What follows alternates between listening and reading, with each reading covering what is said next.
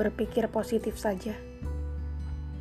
Masalah yang sedang menimpa kita akan menempa diri kita menjadi lebih kuat. Masalah yang besar di hari ini, kelak mungkin hanya akan menjadi masalah ringan bagi kita. Tapi itu butuh waktu. Gak apa-apa. Untuk sekarang, kita hanya perlu berusaha sekuat kita untuk mencari jalan yang terbaik.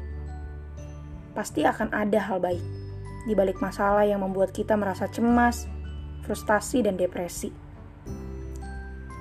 Sosok yang kuat tidak langsung menjadi kuat.